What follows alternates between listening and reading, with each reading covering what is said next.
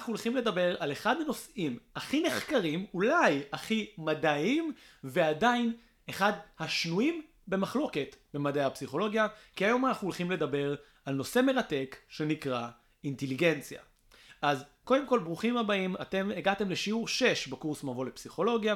אם עדיין לא צפיתם בשיעורים הקודמים, אני בחום ממליץ לכם לעשות זאת, למרות שזה כמובן לא לגמרי הכרחי, ואתם יכולים פשוט ליהנות לגמרי מהשיעור הזה. המטרה של הפרויקט כולו, שזה כולל את הקורס הזה, קורס מבוא לפסיכולוגיה, ובהמשך אני מקווה להעלות גם קורסים נוספים ממדעי הפסיכולוגיה פה בחינם לפודקאסט או ביוטיוב. זה בשביל להנגיש את הידע הזה, שעד לא מזמן היה אפשר להשיג רק באוניברסיטאות הטובות ביותר בעולם, וגם בארץ, לגמרי, לגמרי, לגמרי בחינם ובעברית עבורכם, אוקיי? אגב, אני, בעקבות העניין של כל כך הרבה אנשים, אני שוקל להכין ספר מיוחד לקורס, עם גם סיכום מסוים של הקורס, גם כל מיני שאלות של בחן את עצמך ושאלות פתוחות למחשבה, ואולי אפילו לעשות את זה בעלות סמלית. אם אתם חושבים שזה רעיון טוב, אז אני אשמח שתכתבו לי בתגובות, אם לא, גם אני אשמח שתכתבו לי בתגובות, כדי שאני אדע אם שווה לעשות את ההשקעה הלא מבוטלת הזאתי בליצור את הספר. דבר אחד קטן ואחרון, אם זה הפעם הראשונה שאתם פוגשים את הקורס הזה, אני רק מזכיר לכם שברוב שאר התכנים שאני מייצר, בין אם זה בפודקאסט, תכלס התפתחות אישית בלי קלישות, או בהרצאות האחרות שלי בערוץ היוטיוב פה או מחוץ ליוטיוב, אוקיי? אז בדרך כלל הפוקוס המרכזי שלי הוא על הפרקטיקה, על איך להשתמש בדברים, איך לעשות דברים שייצרו לנו כמה שיותר תוצאות בחיי היום יום, והקורס הזה הוא קצת שונה. בקורס הזה אני שם את מה שנחקר מדעית, את היושרה האקדמית של הקורס, ואת התיאוריה ואת הרקע ואת העומק במקום הראשון, ואת הפרקטיקה רק במקום השני, או אולי אפילו השלישי. זה מה שהופך את הקורס הזה מצד אחד לכל כך מעניין, לכל כך מרתק, אבל למי שרוצה לעשות עם זה דברים מאוד פרקטיים בחיים, אה, זה אולי דורש טיפה יותר התאמה, טיפה יותר מחשבה, ואולי עדיף ללכת באמת לפודקאסט או למקומות אחרים, כמובן לבחירתכם. אז היום אנחנו הולכים לדבר על אינטליגנציה, ובשביל שנוכל לדבר על אינטליגנציה, בואו בכלל נבין מה זה בכלל אינטליגנציה. אז קודם כל, מבחינה אינטואיטיבית, כשאנחנו חושבים על אינטליגנציה, לרוב האנשים עולים כמה הגדרות, עוד שאנחנו נבין איך עושים את כל המחקרים על זה, ואז נבין איך באמת זה מוגדר, אבל בצורה אינטואיטיבית אני חושב שרובנו נסכים שכשאנחנו מדברים על אינטליגנציה, זה בעצם היכולת של בן אדם להצליח במס... במשימות קוגנטיביות, זאת אומרת משימות אה, שכליות נקרא לזה ככה, מורכבות או קשות. אולי זה גם, עבור חלק מהאנשים זה קשור למהירות, נכון? עד כמה מהר בן אדם מבין משהו, עד כמה מהר בן אדם מצליח לפתור איזשהו משימה קוגנטיבית, איזשהו תרגיל, אולי זה גם קשור למהירות, יש פה עניין של להצליח אולי במשימות קשות, יש פה עניין אולי של להצליח אה, אה, ללמוד דברים מורכבים או קשים, ויש פה גם אולי עניין של אה, מהירות, אולי יש פה עניין של עד כמה רחוק בן אדם יכול להגיע, זאת אומרת יכול להיות שאם אנחנו לא מספיק אינטליגנטים אנחנו לא יכולים לעשות משימות מסוימות, או, או להבין דברים מסוימים, ואולי זה יותר קשור למשהו אחר. אחת התיאוריות הנרחבות שאנחנו נדבר עליהן במסגרת היום זה גם שיכול להיות שיש סוגים בכלל שונים של אינטליגנציה, נכון? הרבה שמעו את המושג כמו אינטליגנציה רגשית, או, או לא יודע, אינטליגנציה גופנית, אינטליגנציה מוזיקלית, אנחנו ניגע גם בכל הדברים האלה. אבל ברמה הבסיסית והראשונית ביותר, יש איזושהי תפיסה שיש אנשים מסוימים, הבדלים בין אנשים, נכון? אם בהרבה מהשיעורים הראשונים של הקורס דיברנו על מה משותף לכל האנשים ברמה התפתחותית, ברמת המוח, ברמת התפיסה, כל הדברים האלה. אז בשיעור האחרון על אישיות וגם בשיעור הזה אנחנו קצת מדברים על מה שונה בין אנשים. אז יש לנו לכולנו את החוויה הזאת או את ההרגשה הזאת שאנשים שונים יש להם אינטליגנציה שונה, קצת שונה או הרבה שונה. הם יכולים ללמוד מהר או ללמוד לאט, להבין מהר או להבין לאט, אולי להביא רעיונות יצירתיים וטובים יותר, אולי פחות. משהו שאנחנו נקרא לו אינטליגנציה. עכשיו למה הנושא הזה בפסיכולוגיה הוא נושא כל כך מעניין ויש לזה כמה סיבות, אוקיי? קודם כל אני חושב שבאיזשהו מקום מאוד טבעי ופנימי כולנו היינו רוצים לדעת האם אנחנו אינטליגנטים, האם מישהו אחר הוא אינטליגנטי, האם החבר או החברה או הבן זוג או הבת זוג שלנו הם אינטליגנטים, אוקיי? סתם איזשהו משהו אה, קטן.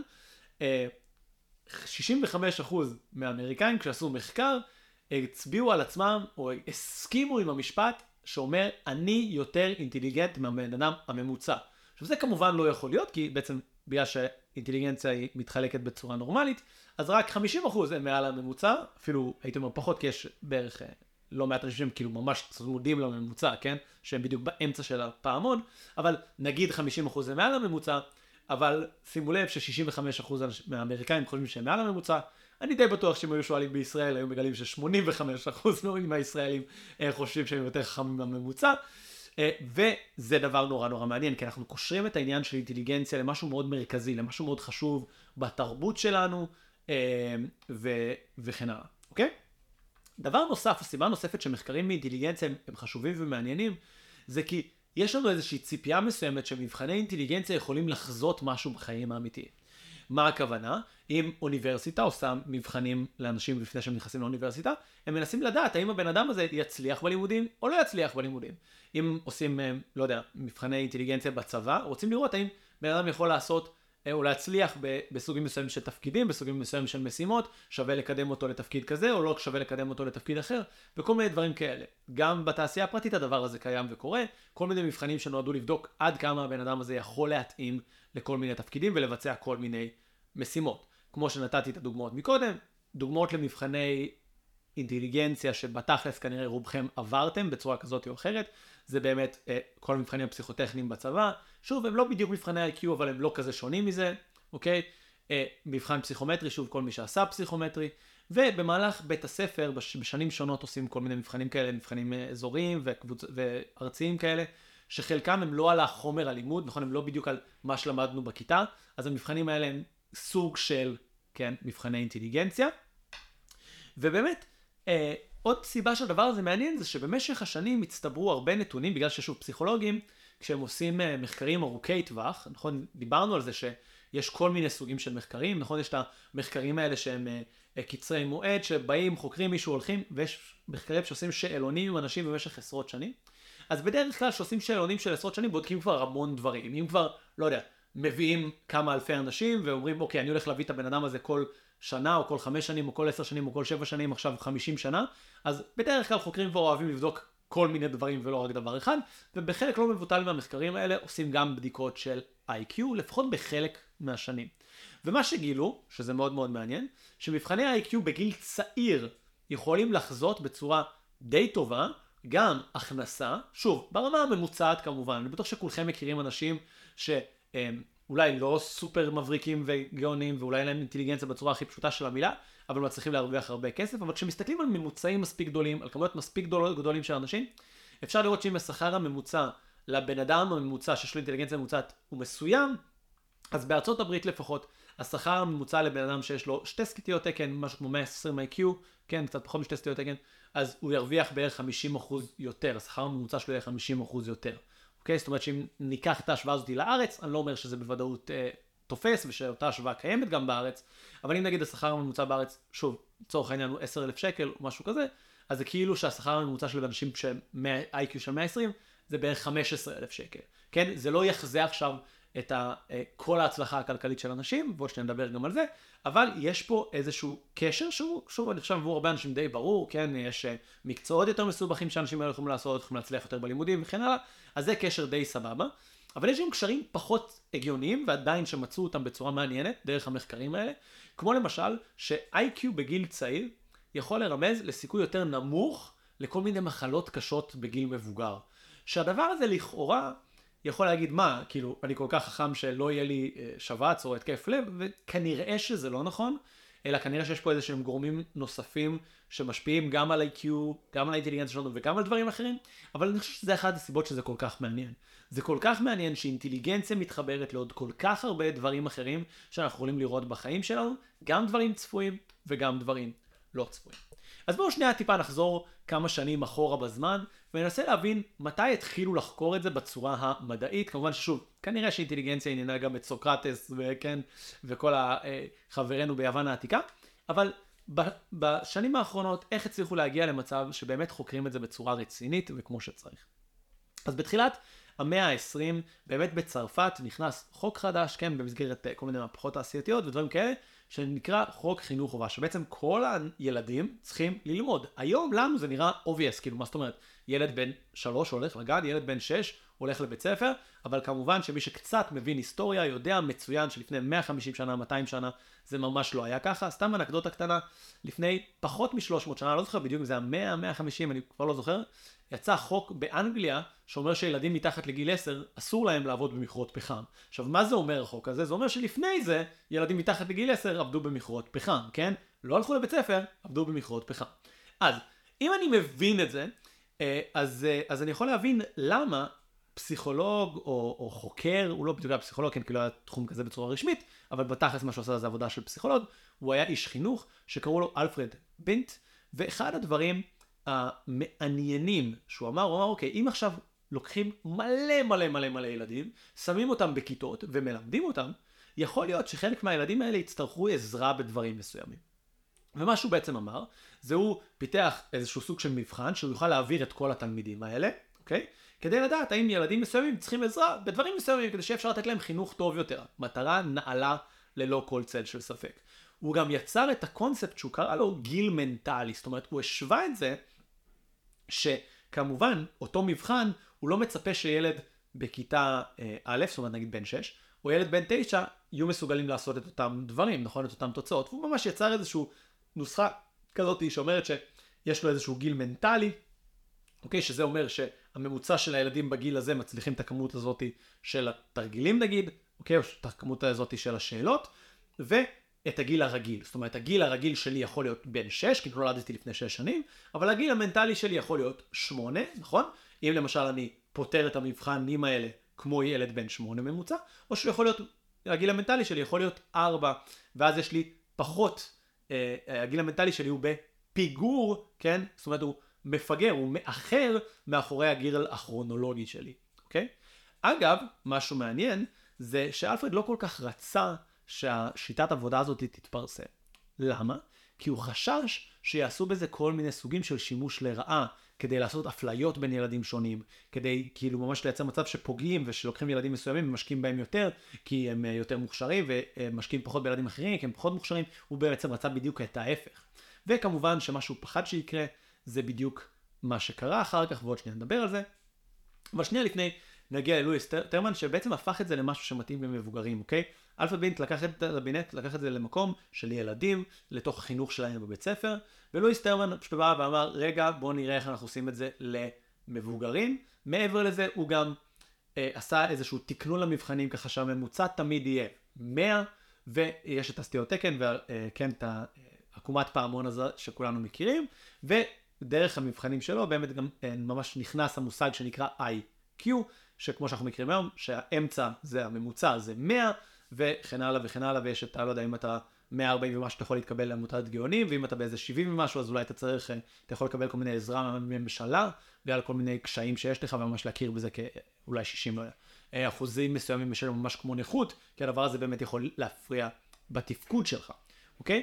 אז זה דבר אה, נורא נורא נורא מעניין, ומשהו שהוא הוסיף. עכשיו, לכאורה הדבר הזה הוא נורא פשוט, נכון? נורא מגניב, אוקיי? עוד שניה נדבר על תיאוריות מעניינות שהאנשים האלה יצרו לאיך אינטליגנציה עובדת, איזה חלקים נוספים ונרחבים יש בה, איזה סוגים של אינטליגנציות יש, ממש עוד שנייה נגיע לזה.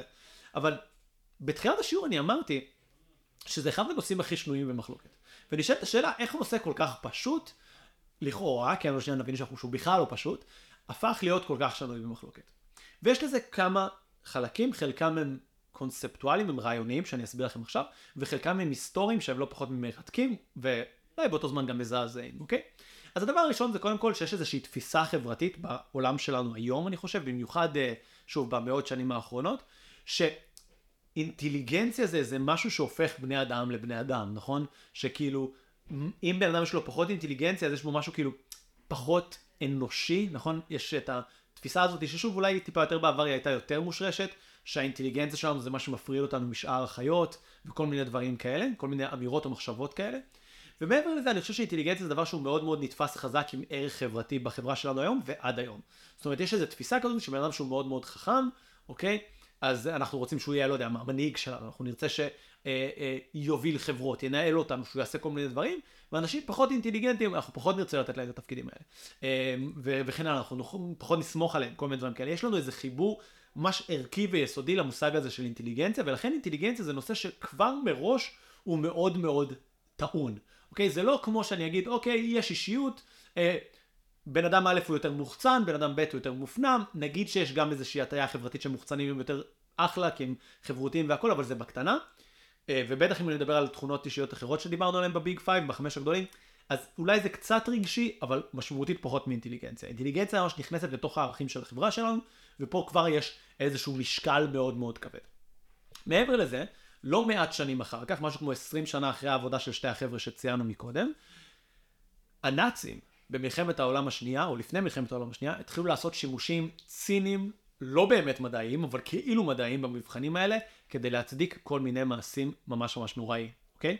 חלק מהגישה שלהם ומהשיטה שלהם הייתה לדבר על זה שכמובן כן תיאור הגזע והגזע העליון וכל הדבר הזה, אז הם עשו כל מיני מבחנים, שגם הם הטו אותם, כן? ועוד שנדבר על איך אפשר להטות מבחנים כאלה טיפה אחר כך, אבל הם הטו אותם בצורה מסוימת שתגרום לגזעים מסוימים ולאוכלוסיות מסוימות פחות להצליח במבחנים, ומתוך האידיאולוגיה הזאת ממש הם הצדיקו כל מיני חוקים נוראים כמו חוקי נירנברג שאתם בוודאי מכירים מהבית ספר מהתיכון או משהו כזה, ועוד כל מיני חוקים קשים ונוראים כלפי הרבה מיעוטים, גם יהודים וגם אחרים, ומעבר לזה, בשלבים מסוימים באידיאולוגיה שלהם, הם ממש לקחו אנשים שיש להם מתחת לציון אינטליגנציה מסוים, ועשו להם סירוס ועיקור, ולא יודע איך לקרוא לזה, אה, כימי, כלומר כי לא רצו שהאנשים האלה יתרבו וכאילו יפיצו את החוסר אינטליגנציה שלהם. עכשיו, גם אם הם היו עושים את זה על מבחני אינטליגנציה אמיתיים, זה היה נורא.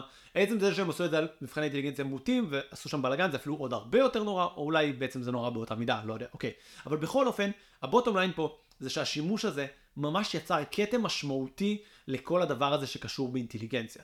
אנשים התחילו לפחד לחקור את זה כי הם אמרו, אוקיי, אם אנחנו חוקרים את זה ואנחנו מגלים דברים, נגיד נגלה שיש הבדלים באינטליגנציה בין קבוצה א' לקבוצה ב', בין לא יודע מה, גברים לנשים, בין כל מיני דברים כאלה, מה המשמעויות הקשות שעלולות להיות לזה ברמה החברתית. ונהיה סוג של טאבו סביב המחקר הזה, למרות ששוב אנשים שונים עדיין המשיכו לחקור את זה כל הזמן בגלל האפקטיביות של המחקר הזה, אוקיי? דבר נוסף זה שהיה ספר שנקרא The Bell Curve, ממש מדבר על עקומת פעמון, ובתוך הספר הזה הוא נתן דוגמאות על זה שבארצות הברית יש הפרש באינטליגנציה בין שחורים ללבנים, כשההפרש שהוא מצא דרך המחקרים שלו זה ששחורים יש להם פחות אינטליגנציה מלבנים, הדבר הזה יצר סערה מטורפת אחרי כל העניין של העבדות וכל העניין של הגזענות בארצות הברית ויצר בלאגן אטומי. אגב, סתם כדי לסבר את האוזן, אה, אחר כך חוקרים מצאו שיש לדבר הזה הסבר אחר לגמרי, אוקיי? דיברנו על זה בשיעור על אישיות, אה, השיעור הקודם, שדרך מחקרים של תאומים או אנשים שהם חלק ממשפחה מסוימת אבל יצאו באומנה למשפחות אחרות וכן הלאה, שיש הבדלים שהם גנטיים ויש הבדלים שהם סביבתיים. ויש שתי מחקרים שעשו לגבי השחורים לבנים בארצות הברית, שדי הפריכו את הקונספט הזה שלבנים הם יותר אינטליגנטים משחורים, ואז שוב, אה, להצדיק איזה תיאוריית גזע כזאת או אחרת. הראשון שעשו זה בעצם שחקרו משפחות של שחורים שגדלו בתוך משפחות לבנים, סליחה, אינדיבידואלים שחורים, אנשים ספציפיים שחורים, שגדלו במשפחות של אנשים לבנים, וממש הראו שהאנשים האלה, השחורים האלה לכאורה, הם בדיוק אה, בממוצע אינטליגנטים כמו אה, במרכאות הלבנים, זאת אומרת שיש פה עניין חברתי, תרבותי, יש פה עניין של מצב סוציו-אקונומי, וגם שוב, שעשו אה, ממש אה, אה, ניקו את המרכיב הסוציו-אקונומי, הכלכלי, מתוך הנושא של הגזע, ראו שלא נשאר שם כלום, או כמעט כלום, אוקיי? בעצם מה שאומרים זה שיש בממוצע הכנסה נמוכה יותר, או באותה תקופה של מחקרים לפני כמה עשרות שנים, אני חושב שזה עד היום קיים בארצות הברית, אבל שהממוצע שכר של לבנים ושחורים הוא שונה, ושהממוצע שכר הזה, בתוך, אם, אם משווים למשל שחורים עם אנשים לבנים עם אותו ממוצע שכר, מגלים שהאינטליגנציה היא מאוד מאוד מאוד דומה.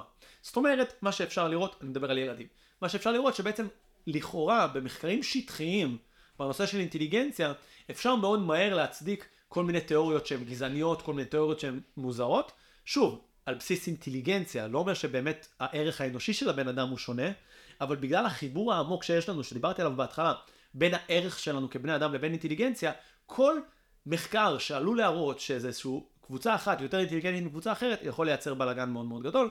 יש גם את הנושא הזה של אה, גברים יותר חכמים, נשים יותר חכמות, דברים שונים, הקשרים שונים, דברים שונים, שם הבדלים היו מאוד מאוד מאוד קטנים, ונדבר אחר כך על איך, אה, על מה הביקורות על זה, ואיך אפשר בעצם לעשות מחקרים אחרים לגמרי, לראות שאולי במבחנים האלה יש הטיות, אבל עדיין, עם כל הדברים האלה, אני רוצה שנייה לפני שנגיע לכל ההסתייגויות הנוספות, להסביר לכם איך המבחנים האלה כן עובדים, למה הם דווקא מאוד טובים, ואיך הם מצליחים לחזות את הדברים המשוגעים האלה שדיברנו עליהם מקודם, כמו לא רק הכנסה, גם הכנסה, אבל גם דברים כמו בריאות בגיל מאוחר, מערכות יחסים טובות, פחות גירושין ודברים נוספים, שזה די מדהים, אוקיי? אז בואו נדבר שנייה על שתי תיאוריות מרכזיות שעלו אה, והן עדיין נחשבות כסבירות מאוד היום, מה הבעייתיות שמוצאים בהן, ומה כן טוב בהן. אז קודם כל נתחיל מספירמן, שהוא היה אחד הראשונים שהגה את הקונספט הזה של אה, מה שהוא קרא לו G, General Intelligence, זאת אומרת אינטליגנציה כללית. הוא בעצם בא ואמר דבר פשוט. הוא בעצם בא ואמר, תראו, יש איזה סוג מסוים, רכיב מסוים של אינטליגנציה, שזה אינטליגנציה אה, כללית, שהיא תקפה לכל דבר שאני לא אעשה, האינטליגנציה הכללית שלי קיימת ותופסת. בנוסף הוא אמר שיש specific intelligence, הוא קרא לזה S, כן, specific, ספציפי, שזה בעצם אומר כמה אני טוב או כמה אני מוכשר בדברים שונים, לא יודע, אה, מוזיקה, מתמטיקה, עברית, חשבון, לא יודע מה, whatever, כל דבר, סבבה? ובעצם מה שאומר שההצלחה שלנו במשימה קוגנטיבית היא תמיד G פלוס, פלוס S, זאת אומרת האינטליגנציה הכללית שלי ועוד האינטליגנציה הספציפית שלי על הדבר הזה, זה יקבע את ההצלחה שלי. וזה נשמע לנו מאוד מאוד הגיוני, נכון? זה נשמע לנו מאוד מאוד הגיוני, אני חושב להרבה אנשים, כי כולנו מכירים אנשים כאלה שהם פשוט חכמים, ואז הם פתאום מצליחים ללמוד יותר מהר פחות או יותר הכל, נכון? הם, הם יצליחו יותר מהר בהמון דברים. אז אם מישהו מאוד מאוד מקצועי בדבר הספציפי, הוא יכול להיות יותר טוב מהם, אבל עדיין הם ילמדו מהר מאוד את הדבר הזה, הם עדיין יצליחו בו יותר מהר מהבן אדם הממוצע, גם אם לא מהבן אדם המקצועי, אוקיי? וזה באמת גישה ש, שיש בה, אה, אה, גילו שיש בה משהו מאוד מאוד נכון, אבל עוד שניה נדבר על מה גילו בנוסף שאולי קצת סותר את זה. ואז הגיע גם גרנדר שאמר משהו אחר לגמרי, הוא אמר אוקיי, לכל אחד מאיתנו יש אינטליגנציות שונות לגמרי, אינטליגנציה רגשית, בטח אתם מכירים את זה, לשונית, כן, אה, אה, מתמטית, אינטליגנציה גופנית, כל מיני סוגים שונים של אינטליגנציות. עכשיו, משהו מאוד מאוד מעניין, גם ספירמן וגם הוא אמר, אוקיי, אני רוצה לבדוק סוגים שונים של אינטליגנציות, לעשות מבחנים שיצליחו למדוד כל מיני סוגים שונים של אינטליגנציות, כל מיני סוגים שונים של S, כל מיני סוגים שונים של דברים, אינטליגנציה רגשית, אינטליגנציה כזאת וכו' וכו' וכו'. עכשיו, מה הבעיה? הרבה מאוד מהדברים האלה, בוא ניתן ספציפית נגיד דגש על אינטליגנציה רגשית. זה דבר שמאוד קשה למדוד אותו דרך מבחן, נכון? זאת אומרת, מאוד קשה לתת איזשהו מבחן עיוני שתוך חצי שעה או שעה או שעתיים נגיד, שבן אדם יושב מול מחשב ובצורה מאוד סטנדרטית, נוכל לגלות מה האינטליגנציה הרגשית של הבן אדם. אפשר לנסות לשאול שאלות שקשורות על יחסים בין אישיים, אבל מעבר לזה, אין לנו הרבה מה לעשות. אפשר לנסות לייצר כל מיני סיטואציות עם שחקנים או משהו כזה, אבל שוב, זה יהיה מאוד מאוד מאוד מאוד לא... ברור, מאוד מאוד לא חד משמעי. מה שכן גילו, זה שכמעט כל מה שהצליחו למדוד, זאת אומרת כמעט כל דבר שהצליחו להכניס לתוך מבחן אמריקאי, כמעט כל דבר שהצליחו להכניס לתוך מבחן שאפשר לעשות בצורה סטנדרטית, כמעט כל הדברים האלה הם בקורולציה אחד עם השני. זאת אומרת, כמעט כל דבר, כל סוג של תרגיל, כל סוג של דבר שאתם תשימו על בן אדם, יש את אלה שיהיו יותר מוכשרים בו ויש את אלה שיהיו פחות מוכשרים בו. זאת אומרת, הרכיב הזה שספירמן קרא לו G, הוא סופר דומיננטי, והרכיב הזה שספירמן נקרא לו S, הספציפי, הוא אולי קשור לתרגול, אבל הוא הרבה הרבה יותר חלש, והרכיב המרכזי הזה הוא סופר סופר חזק. בעצם, בעקבות הדבר הזה, יש הרבה חוקרים שבעצם אומרים שאין שום בסיס מדעי לשום אינטליגנציה חוץ מה-IQ. כי בעצם IQ, או G, שזה הדבר המרכזי הזה, שיש לו קורולציה לכמעט הצלחה בכל סוג של תרגיל, אוקיי? בדרך כלל, יש קשר מאוד מאוד חזק, שאני אגיד כמה חזק, בין מי שיצליח בלא יודע מה, בתרגילים האלה אתם בטח מכירים של לסובב צורות, או של קשרים בין מילים, או של זיכרון, או של לענות מהר על כל מיני אה, דברים של, אה, אה, לא יודע, זיהוי קווים, לא יודע מה, whatever. כל הדברים האלה הם, הם בחיבור די טוב. עכשיו שוב, זה פסיכולוגיה, זה לא פיזיקה, אז אין לנו סטטיסטיקות של 99% התאמה, אבל יש פה התאמה של מה שנקרא קורלציה 0.4. סתם כדי להשוות את זה למשהו אחר שרוב האנשים יכולים לזהות, זה נגיד הקשר בין גובה לבין מין, אוקיי? זאת אומרת, זה שגברים יותר גבוהים מנשים. זה כמובן לא אבסולוטי, יש נשים שהן יותר גבוהות מרוב הגברים, יש גברים שהם יותר נמוכים מרוב הנשים וכן הלאה, אבל עדיין, אם אתם עכשיו, אני אגיד לכם, תגידו לי אתם, יש פה גבר ויש פה אישה, ואתם לא יודעים מי הם, תנחשו מי יהיה יותר גבוה. אם אתם תנחשו שהגבר יותר גבוה, אתם תהיו צודקים רוב הפעמים, נכון? אז זה יהיה הניחוש הנכון. והחיבור הוא שאם אני אביא עכשיו 200 אה, גברים ו-200 נשים, אז עדיין הרבה מאוד מהגברים יהיו הרבה יותר גבוהים מהרבה מאוד מהנשים, וגם אם יהיו פה ושם סטיות סטטיסטיות, עדיין אפשר להגיד שבגדול וברחב, החיבור בין גובה לבין מין הוא די טוב, אוקיי? וזה רמת החיבור שיש לנו בין אינטליגנציה, IQ, G, לבין כל הדברים הקטנים האלה, אה, שהצלחה ב, לא יודע מה, חילופי מילים וחילופי צורות וכל מיני סוגים של מבחנים. זאת אומרת, זה ממש אפשר לראות שה... שה... כל הדברים השונים האלה, יש ביניהם קורולציה די טובה. ואז הבינו איך, איך, איך הכי טוב לבחון IQ. בעצם, אם יש, אפשר לראות את הדבר המשותף הזה, שרלוונטי לכל הדברים הקטנים האלה, בעצם הדרך שבה בנויים, שבה הם בנויות, או הדרך שבה בנויים רוב המבחנים האלה, מבחני אינטליגנציה האלה, זה בעצם הרבה סוגים של מבחנים שבודקים דברים שונים, נכון? אם אתם תעשו, זוכרים את הפסיכומטרי שעשו לכם בצבא, או את הפסיכומטרי, לא יודע מה, ווטאבר לפני האוניברסיטה, אז יש קטע מילולי שהוא בתכלס לא רק מילולי, הוא גם בודק אוצר מילים, אבל הוא גם בודק התאמות, והוא גם בודק עוד כל מיני דברים, ובחשבון יש גם צורות, וגם מספרים, וגם חיבור, וגם כפל, ויש כל מיני סוגים, ו- ושוב בפסיכוטכני זה אפילו עוד יותר, עם צורות זזות ומסתובבות, ו- וקצת ידע כללי, אבל בדרך כלל לא הרבה, והדבר הזה בסך הכל אומרים, אוקיי, אם אני לוקח את הממוצע של כמה בן אדם טוב בכל הדברים השונים האלה, אז כנראה שאני מוצא את האינטליגנציה החזקה שלו. ופה, אם אתם איתי כבר בקורס פעם שישית, בטח עולה לכם השאלה הבאה. אוקיי, אז יש דבר כזה שנקרא אינטליגנציה, מעניין, נכון? מעניין.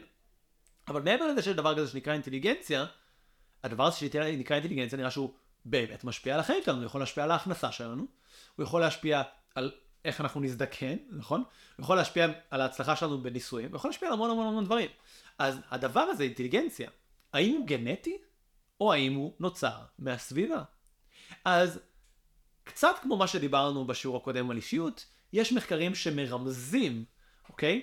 שכמו באישיות, שוב, איי-קיו יכול להשתנות טיפה יותר בילדות, אבל אז, בגיל מאוחר יותר, הוא חוזר להיות יותר ויותר דומה בהתאם לגנטיקה. זאת אומרת, ממש יש, אה, כן, אה, כמו שעושים את המחקרים האלה, עם אחים ותאומים זהים, ותאומים זהים שהופרדו בלידה, ותאומים זהים שלא הופרדו בלידה, ואחים שהופרדו בלידה, ואחים שלא הופרדו בלידה, וממש אפשר לראות שאחים, אה, שתאומים זהים שהופרדו או לא הופרדו, הם ממש ממש ממש ממש ממש ממש ממש דומים, סליחה, תאומים זהים, זאת אומרת שיש להם אותה גנטיקה, הם בסוף נהיים מאוד מאוד מאוד דומים מבחינת IQ. והדבר הזה הוא אה, שם משהו מאוד חזק לגבי זה שגנטיקה היא רכיב מאוד מאוד מרכזי. עם זאת, כמו שאמרתי מקודם, שמראים ילדים שנכנסים לתוך משפחות מסוימות, אז הם יכולים להשתנות מה-IQ של האחים שלהם אה, יותר, זאת אומרת יש פה גם רכיב סביבתי. באמת, כמו שקשור אה, באישיות, ואולי בשיעור על אישיות לא דיברתי על זה מספיק, הגישה היום אומרת את הדבר הבא, יש את הרכיב הגנטי, יש את הרכיב הסביבתי, כן? אבל יש גם איזשהו כפל ביניהם. זאת אומרת, אנשים מסוימים, בתור, לא משנה באיזה סביבה הם יהיו, יתפתחו בצורה מסוימת. אנשים אחרים מאוד תלויים בסביבה, וכל שינוי בסביבה יכול לעשות להם שינוי מאוד מאוד מאוד מאוד מאוד גדול. ולכן הגישה אומרת ש, שאם ניקח את הגנטיקה פלוס הסביבה, וכשאני אומר סביבה למה אני מתכוון, דרך אגב, סביבה זה פחות יהיה אה, הבית ספר שלמדו בו וכל מיני דברים כאלה, למרות שגם קצת, הרבה יותר זה האם ההורים הקדישו זמן לילד, התזונה שהילד אכל, כמה שהוא דואג לבריאות הפיזית שלו, ה-well-being הרגשי שלו, כמה לחץ יש לו בבית, או חוסר לחץ בבית, כמה הוא מרגיש בטוח בבית, דברים בסגנון הזה. פלוס עוד דברים שאנחנו באמת לא יודעים להסביר, כי שוב, היום עדיין אפשר לעשות, בהקשר של אינטליגנציה, בעיקר בעיקר בעיקר בדיקות של מתאמים. מה זה אומר? אני יכול לראות שילד כזה יש לו יותר אינטליגנציה או פחות, אבל אני לא באמת יודע מה גרם לזה. עדיין, עם כל ההתקדמות במדעי המוח ועם כל ההתקדמות בדברים האלה, בגנטיקה, עדיין לא מצאו גנים ספציפיים שיכולים להגיד האם הילד יצא אינטליגנט או לא. יש איזה, ראיתי מחקר שאומר שיש איזשהו אה, גן אחד ספציפית שיש לו סיומת מסוימת או, או סיומת אחרת שיכולה להשפיע על אינטליגנציה ברמה של 2-3 נקודות, כן, שזה, שוב זה קיים, זה משהו, אבל זה, זה ממש מעט, זה כאילו זה לא אמור להיות יותר מדי מורגש, וחוץ מזה את כל שאר הגנים לא באמת יודעים, אוקיי? וכנ"ל לגבי אה, אה, דברים שקשורים אה, לסביבה. יש איזה דוגמה מאוד מאוד מעניינת בדבר הזה, אוקיי? שעשו אה, מחקר על אה, שתי קבוצות של ילדים, לקחו קבוצה אחת שהיא קבוצה שתקבל עזרה בילדות בגיל 6 אם אני זוכר נכון, למשך שנה שלמה, כזה תוכנית שתחזק אותם בחשבון ובמתמטיקה ובחשיבה לוגית ובכל מיני דברים כאלה, כן קבוצות מאוד מאוד מוחלשות, לקחו ואמרו שיעזרו להם, וקבוצה שנייה שבעצם לא נתנו להם את העזרה הזאת. דרך אגב, אם דיברנו קצת על אתיקה של מחקרים בשיעורים הקודמים, אז בדברים האלה עולות תמיד שאלות של אתיקה. נכון? כי בעצם בחרנו רנדומלית חצי מהילדים שאנחנו הולכים לעזור להם, או לפחות אנחנו חושבים שנעזור להם, ולקחנו חצי מהאנשים שבכוונה, במרכאות, לא עזרנו להם. ויש פה שאלה אתית מאוד מאוד כבדה. מצד שני, וזה הטיעון של הפסיכולוגים שעושים את המחקרים האלה, הם טוענים שאם לא נעשה את הדברים האלה, אנחנו לא נדע אף פעם מה באמת עוזר, ומה לא באמת עוזר, ואז לא נוכל אף פעם לעזור לכולם. שאלה למחשבה, תשאלו את עצמכם, האם אתם מסכימים עם זה, לא מסכימים עם זה, מה אתם חושבים? היו צריכים לתת את זה לכולם, ולוותר על המחקר, לא לתת את זה לכולם? שאלה מעניינת. בואו אני אספר לכם אבל מה קרה. מה שהיה אפשר לראות, זה שאחרי שנה שהילדים האלה, שהם בדרך כלל בבית ספר חלש, ובמקום חלש, ובסביבה חלשה, קיבלו חיזוק מאוד מאוד מאוד משמעותי במשך שנה, אוקיי? ה-IQ שלהם קפץ בצורה די משמעותית אל מול הקבוצת ביקורת. עם זאת, אחרי שנה שהם הפסיקו את החיזוק הזה, אוקיי? עברו עוד שנתיים, בגיל 7 או 8, ה-IQ שלהם חזר להיות אותו דבר כמו של הקבוצה השנייה. זאת אומרת, הייתה איזו קפיצה ביכולות הקוגנטיביות שלהם, הייתה איזו קפיצה באינטליגנציה שלהם, הייתה איזו קפיצה ביכולת שלהם לפתור בעיות, לעשות דברים, מוטב וכל מיני דברים מהסגנון הזה, ואז זה חזר להיות אפס. וזה מה שקורה המון פעמים בהמון סוגים של מחקרים כאלה. כשמנסים לעזור לאנשים לפתח אינטליגנציה, בהרבה סוגים של מחקרים, גם אצל ילדים וגם אצל מבוגרים, הרבה פעמים מראים שבתקופת אימון קצרה אפשר להשיג תוצאות טובות יותר במבחני אינטליגנציה, אבל אז הרבה פעמים אם עוצרים את זה, מאוד מאוד מהר האינטליגנציה חוזרת לאותו baseline, לאותו בסיס שזה היה בו לפני זה. ואז יש שתי גישות של חוקרים. גישה אחת אומרת, טוב, אז כנראה שלא באמת אפשר לשנות איי-קיו, שלא באמת אפשר לשנות אינטליגנציה, שאין דרך במרכאות באמת לעזור לילדים האלה. אבל המחקר הזה שעשו, הוא היה פורץ דרך מסיבה מאוד מאוד גדולה, כי המשיכו לעקוב אחרי הילדים האלה עשרות שנים אחר כך. ומה שראו זה שלמרות, שימו לב, שלא היה הבדל ב-IQ בין הקבוצה של קיבלה חיזוק, כן, קיבלה חיזוק, בעיקר הקוגנטיבי, בעיקר בעניין הלמידתי, כן, בילדות לשנה אחת, אמנם לא היה הבדל ב-IQ שלהם או בציונים שלהם יותר מדי אה, אה, בכל מיני מבחנים אה, אה, סטנדרטיים. מה שגילו זה שהילדים האלה עשו הרבה יותר מהשיעורי בית שלהם במשך גם שנים אחר כך. היה להם הרבה יותר מוטיבציה ללמוד. שימו לב, הרבה פחות מהם הביאו ילדים לא מתוכננים מחוץ לנישואים, פחות התגרשו, כן? פחות אה, נעצרו על ידי שוטרים, אוקיי? כל מיני דברים כאלה ש... כאילו מרמזים שנוצר פה איזה משהו מעניין, שגם הדברים האלה, דרך אגב, לכאורה הטובים לא טובים האלה, הם אה, גם מקושרים עם אינטליגנציה. זאת אומרת, אולי האינטליגנציה הבסיסית עצמה לא התקבלה, לא התקבעה, אבל חלק מהתופעות לוואי של אינטליגנציה גבוהה, הם קיבלו אותם, אה, והם קיבלו שכר ממוצע גבוה יותר מהקבוצה השנייה.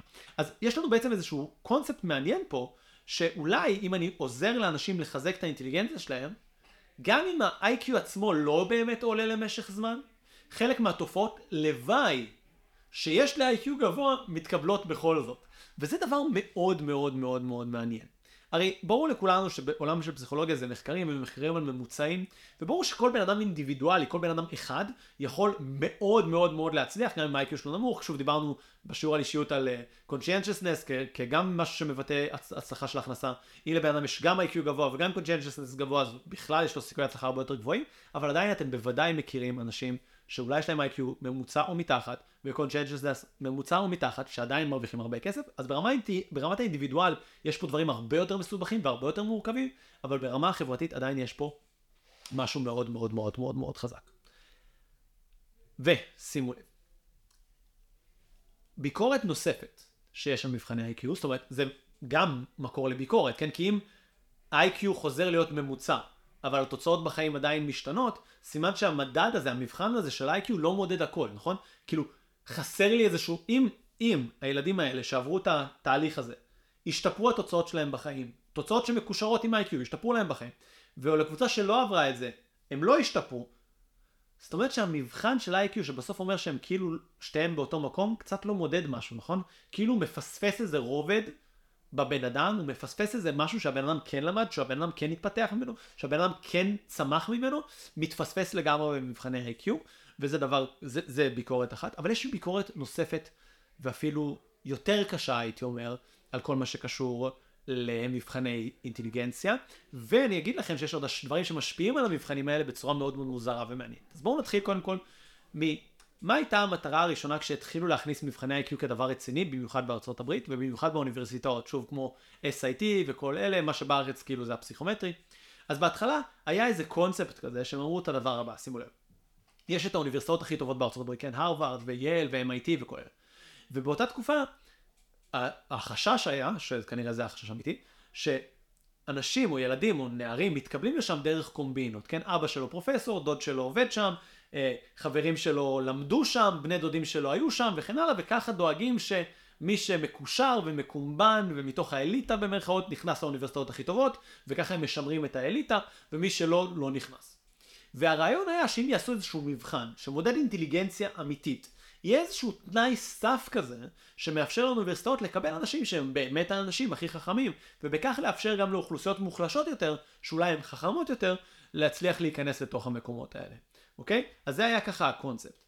היום די נטשו את הקונספט הזה בגלל שהיום מבינים שבן אדם שבסופו של דבר יש לו את המעמד הסוציו-אקונומי היותר גבוה, יש לו את החיבור היותר טוב לאנשים האלה, יש לו אנשים בבית, הורים שלו שיכולים לעזור לו להתכונן לפסיכומטרי, כן, אפשר, יכולים לתת לו כסף לקורסים, אין לו לחץ כלכלי בבית, אז הוא לא צריך ללכת לעבוד, ההורים שלו מממנים לו את הפסיכומטרי, ומממנים לו מורים פרטיים, ומממנים לו את כל מה שצריך, הסיכוי ההצלחה שלו בפסיכומטרי הרבה יותר גבוהים, נכון? אז היום קצת ירדו מהקונספט הזה שאפשר בעזרת מבחנים כאלה לייצר שוויון, ויותר מתמקדים ביכולת של המבחנים האלה באמת לחזות הצלחה.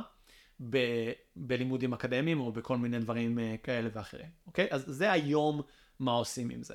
ועדיין יש פה בעיה קשה. כי את המבחנים האלה מאוד מאוד בקלות אפשר להטות, ומאוד מאוד בקלות אפשר להבין שבאוכלוסיות שונות ובחברות שונות יהיה תשובות שונות לאותם מבחנים. אני אתן שתי דוגמאות אה, מאוד מאוד מאוד מעניינות.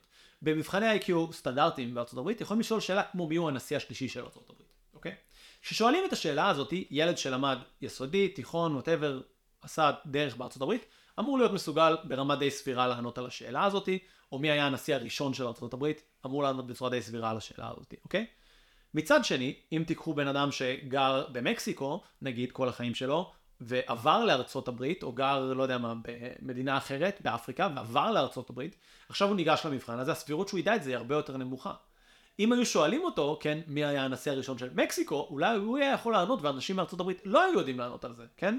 אם אני אשאל אתכם מי היה ראש הממשלה הראשון של, של ישראל, אתם כנראה תדעו, ואם אני אשאל אמריקאי, הוא לא ידע. האם זה משהו פחות אינטליגנטי מכם? לא בטוח, נכון? אז זו שאלה מעניינת. אז אפשר בעזרת השאלות ששואלים לייצר בקלות הטיות בתוך המבחן. וזה חשש מאוד מאוד גדול. האם אנחנו היום בוחרים בתוך המבחני ה-IQ שלנו כל מיני שאלות שמקדמות סוג מסוים של אנשים ופוגעות בסוג אחר של אנשים. האם אנחנו מכניסים יותר מדי מתמטיקה, פחות מדי מתמטיקה, יותר מדי דבר אחד ופחות מדי דבר אחר, כדי לייצר מצב שבו המבחנים האלה לא באמת מודדים את מה שאנחנו רוצים ומתאים את עצמם לקבוצות מסוימות של אוכלוסייה מול קבוצות אחרות. דוגמה נוספת לשאלות שיש בכל מיני מבחני IQ, כן? זה למשל מה דומה למה, או מה מתחבר עם מה. ואז למשל אם תיקחו בן אדם אה, ממוצע, אה, כן, מערבי במרכאות, אה, כן, ותיתנו לו למשל אה, סכינים, אה, פליירים, כן, אה, תפוחים ולא יודע מה, אה, מלפפונים, ותגידו מה דומה למה, או מה הולך עם מה. אז הוא יגיד לכם, אוקיי, אז התפוח ומלפפון הולך ביחד, כי זה אוכל, נכון? זה מה שכנראה אתם חשבתם. ולא אה, יודע, אה, הסכין והפלייר הולך ביחד כי זה כלים. ואני לא זוכר עם איזה כלים בדיוק שמו את זה שם, אבל יש שבט בדרום אמריקה שעשו עליו את המחקר הזה, וממש הראו שהאנשים החכמים שם באמת שמים את התפוחים עם הסכינים ואת המלפפונים עם הפליירים, כי אומרים שמן הסתם פלייר או משהו שדומה לפלייר זה מה שאפשר איתו אה, לקטוף את המלפפון, ועם הסכין חותכים את התפוח, ודווקא בן אדם לא אינטליגנט שם יכול להגיד מלפפון ותפוח הולך ביחד, שזה מטומטם מבחינתם, אוקיי? זאת אומרת, תרבויות שונות יכולות לתפוס בצורה שונה מה הפונקציות של דברים מסוימים, מה התועלות בדברים מסוימים, ולענות בצורה שונה על המבחנים האלה, שבעצם אין בהם שום גמישות, וזה לא בהכרח מעיד על היכולות של הבן אדם, ויכול להיות מוטה תרבותית, ושוב מתוך הניסוי הזה גם מסיקים שיכול להיות שיש עוד הרבה שאלות אחרות שאנחנו שואלים במבחנים האלה, שבעצם שוב מטות נגד קבוצות מסוימות ובעד קבוצות אחרות, וזה חשש אמיתי, שוב במיוחד בגלל שלמשל בישראל, אם אדם רוצה להיות רופא, או עורך דין, או לא יודע מה, ללמוד מדעי המוח, או ללמוד הנדסה, או מדעי המחשב, אה, והוא רוצה ללמוד באוניברסיטה טובה, אז הוא יצטרך, אה, ולא לשלם נגיד פי שלוש יותר כסף למכללה, נכון? אה, אז הוא יצטרך לקבל ציוני פסיכומטרי גבוהים, אז אם, אז אם הציונים האלה מוטים נגד קבוצות מסוימות, אז זה ממש יש פה איזושהי בעייתיות. דבר נוסף מעניין שגילו, וזה ככה יהיה הנקודה האחרונה שלנו לשיעור היום, אבל אולי המעניינת ביותר, זה שגילו שיש קשר מאוד מאוד מאוד מאוד חזק בין מבחני אינטליגנציה לבין תחושת מסוגלות רגעית. מה הכוונה? האם הבן אדם באותו רגע מרגיש שהוא מסוגל או לא מסוגל, טוב או לא טוב, יצליח או לא יצליח, יש את ההשפעה מאוד מאוד מאוד משמעותית. זוכרים שסיפרתי לכם על התפיסה הזאת שהייתה שנים, שכאילו בארצות הברית על שחורים, לבנים, מפרשי אינטליגנציה וכל הדבר הזה? אז לקחו סטודנטים, שחורים ולבנים, באוניברסיטאות גדולות, אני חושב לפני משהו כמו 40 שנה, למרות שאני מנחש שיכול להיות שעד היום זה היה עובד, יכול להיות שלא, אוקיי? ונתנו להם לעשות מבחן במתמטיקה, אוקיי? ושוב, בתוך אוניברסיטאות גדולות, מן הסתם זה תלמידים סופר חכמים, סופר טובים, ולא היה הבדל בין התוצאות של שחורים או לבנים, סבבה? עם זאת, עשו דבר הבא, נתנו להם, הוסיפו שאלה נוספת במבחן, ושאלו אותם, מה הגזע שלך, אוקיי? האם אתה שחור, לבן וכן הלאה. וראו שכששאלו את השאלה הזאת, הוסיפו את השאלה הזאת, פתאום השחורים עשו פחות טוב. הצליחו פחות במבחן. ממש בהבדל שהסטטיסטיקה משמעותית, הציונים שלהם היו נמוכים יותר. כאילו, כשהם מילאו את זה, אמרו, אה, כאילו, כן, לא באמת שזה, אפשר להוכיח את זה כמובן, אבל כאילו אמרו, אה, אני שחור אז אני לא אמור לעשות טוב, ואז לא הצליחו. אוקיי? זה דבר מאוד מאוד מאוד מעניין. כאילו יש פה איזשהו לחץ רגשי שהשפיע עליהם, אה, ובהקשר הזה עשו אה, מחקר עוד יותר מגניב אפילו, עם נשים אסיאתיות, אוקיי? וחילקו אותם לשלוש, אוקיי? אחד, לא היה להם שום שאלה. אחד, עכשיו לא יודע אם אתם יודעים, אבל כאילו במתמטיקה, שוב, יש את הקונספציה שנשים לכאורה כאילו פחות טובות במתמטיקה, אבל אסיאתים הם מאוד טובים במתמטיקה, כן, זו התפיסה בארצות הברית. אה, שוב, תפיסה שהיא לא מקובלת, זו תפיסה שנחשבת גזענית, או, או כן, או מיזוגנית, או יותר, אבל כאילו יש, קיימת התפיסה הזאת החברתית. ו... ש... והוסיפו להם ממש למבחנים את השאלות. אחד, קיבלו נשים בלי שום שאלה, והם עשו ציונים כמו הגברים באותה כיתה, כן, כמו הממוצע. ואחד שאלו, מה המגדר שלך? זאת אומרת, היא הייתה צריכה לכתוב, אני אישה, וראו כמו עם השחורים שהציונים שלהם ירדו. ואחרים שאלו אותם, מה הגזע שלך? כמו עם השחורים, הם כתבו אסיאתים, והם הצליחו יותר. כאילו, אם אני אסיאתית, אז אני צריכה להצליח מתמטיקה, אז הציון שלי עולה, ממש מדהים. אם אני תלמידה בכיתה, אז אני מצליחה כמו תלמידה בכיתה, שוב בממוצע, ואם אני אישה, אז אני מצליחה פחות. וההשפעות האלה מראים כמה, כמה משמעותי, כמה חזק, כמה אדיר זה, הקונספציות, התפיסות החברתיות, ואיך הן משפיעות על אנשים. האם הם ילכו לקריירות מסוימות, האם הם ילכו לתפקידים מסוימים, האם הם יאמינו בעצמם שהם יצליחו, האם הם באמת יעשו טוב משימות מסוימות או לא טוב משימות, משימות אחרות. שוב, מבחני IQ זה לא הדבר המושלם, מבחני מתמטיקה זה לא הדבר המושלם, אבל מאוד קל להבין שאם במבחן במתמטיקה מישהי, רק עצם זה שהיא כותבת שהיא אישה, גורם לה להצליח פחות טוב, שוב, בממוצע, לא בהכרח בחורה ספציפית, אבל באופן ממוצע פחות טוב, אם היא כותבת שהיא אסיאתית ואז היא מרגישה ביטחון, היא מצליחה יותר טוב, אפשר לראות איך ההשפעות החברתיות האלה יכולות להשפיע עלינו בכל מיני משימות בכל רחבי החברה, והדבר הזה הוא דבר מאוד מאוד מאוד מאוד מעניין, אוקיי? עכשיו, הדבר הזה כמובן לא מוגבל רק לאינטליגנציה ורק ללמידה, עשו גם מחקר אה, די מגניב, שוב, הרבה עושים על אה, סטודנטים של האוניברסיטאות, כי קל לעשות עליהם מחקר, כן? פשוט מכריחים אותם להשתתף במחקרים ושיעשו עליהם מחקרים כחלק מהתואר, ואז אפשר לקבל ל-CNN בחינם, זה הסיבה. אז לקחו חבורה של אה, חבר'ה אה, לבנים, כן? ונתנו להם לעשות את המקסימום שכיבות צמיחה שהם יכולים. מצד אחד, פעם אחת נתנו להם מד, מדריך כושר לבן, שכאילו נתפס כהוא כמוהם, אם הוא אומר להם זה כאילו בסדר, והם הצליחו לעשות כמות מסוימת, ובפעם השנייה נתנו להם מדריך כושר שחור, שכאילו נתפס כיותר אתלטי, יותר זה וואטאבר, והם הצליחו לעשות פחות. זאת אומרת, ממש תחושת נחיתות פוגעת לנו בביצועים, גם באינטליגנציה וגם בביצועים פיזיים, למרות שבביצועים פיזיים זה פחות השפיע, בביצועים השכליים זה הרבה יותר השפיע, אבל זה עדיין השפיע. ואפשר ממש לראות איך הדברים האלה הם דברים שאנחנו צריכים מאוד להיזהר בהם. כי התפיסות המוטעות שיש לנו לגבי גזע, לגבי מגדר, מין, ווטאבר, תקראו לזה איך שאתם רוצים, לגבי כל הנושאים האלה, יש להם השפעות אמיתיות. יש להם השפעות אמיתיות לגבי איך אנשים מתנהגים, איך אנשים מצליחים, ומה אנשים עושים. ולכן, זה עוד סיבה למה כל הנושא הזה של מבחני אינטליגנציה הוא כל כך שנוי במחלוקת. אז יש לנו פה כלי מדהים, ואני מעודד אתכם לייצר את החשיבה העצמית שלכם.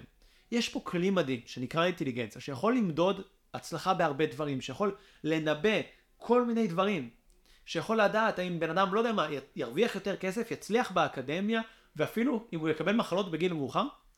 ומצד שני, אנחנו שואלים את עצמנו, האם המבחנים האלה הוגנים? האם המבחנים האלה טובים? האם המבחנים האלה באמת לא עושים הטיה, ואולי הם יוצרים אפילו אפקט של אה, אמונה שמגשימה את עצמה? זו השאלה שלכם להיום הביתה, ואנחנו ניפגש בשיעור הבא.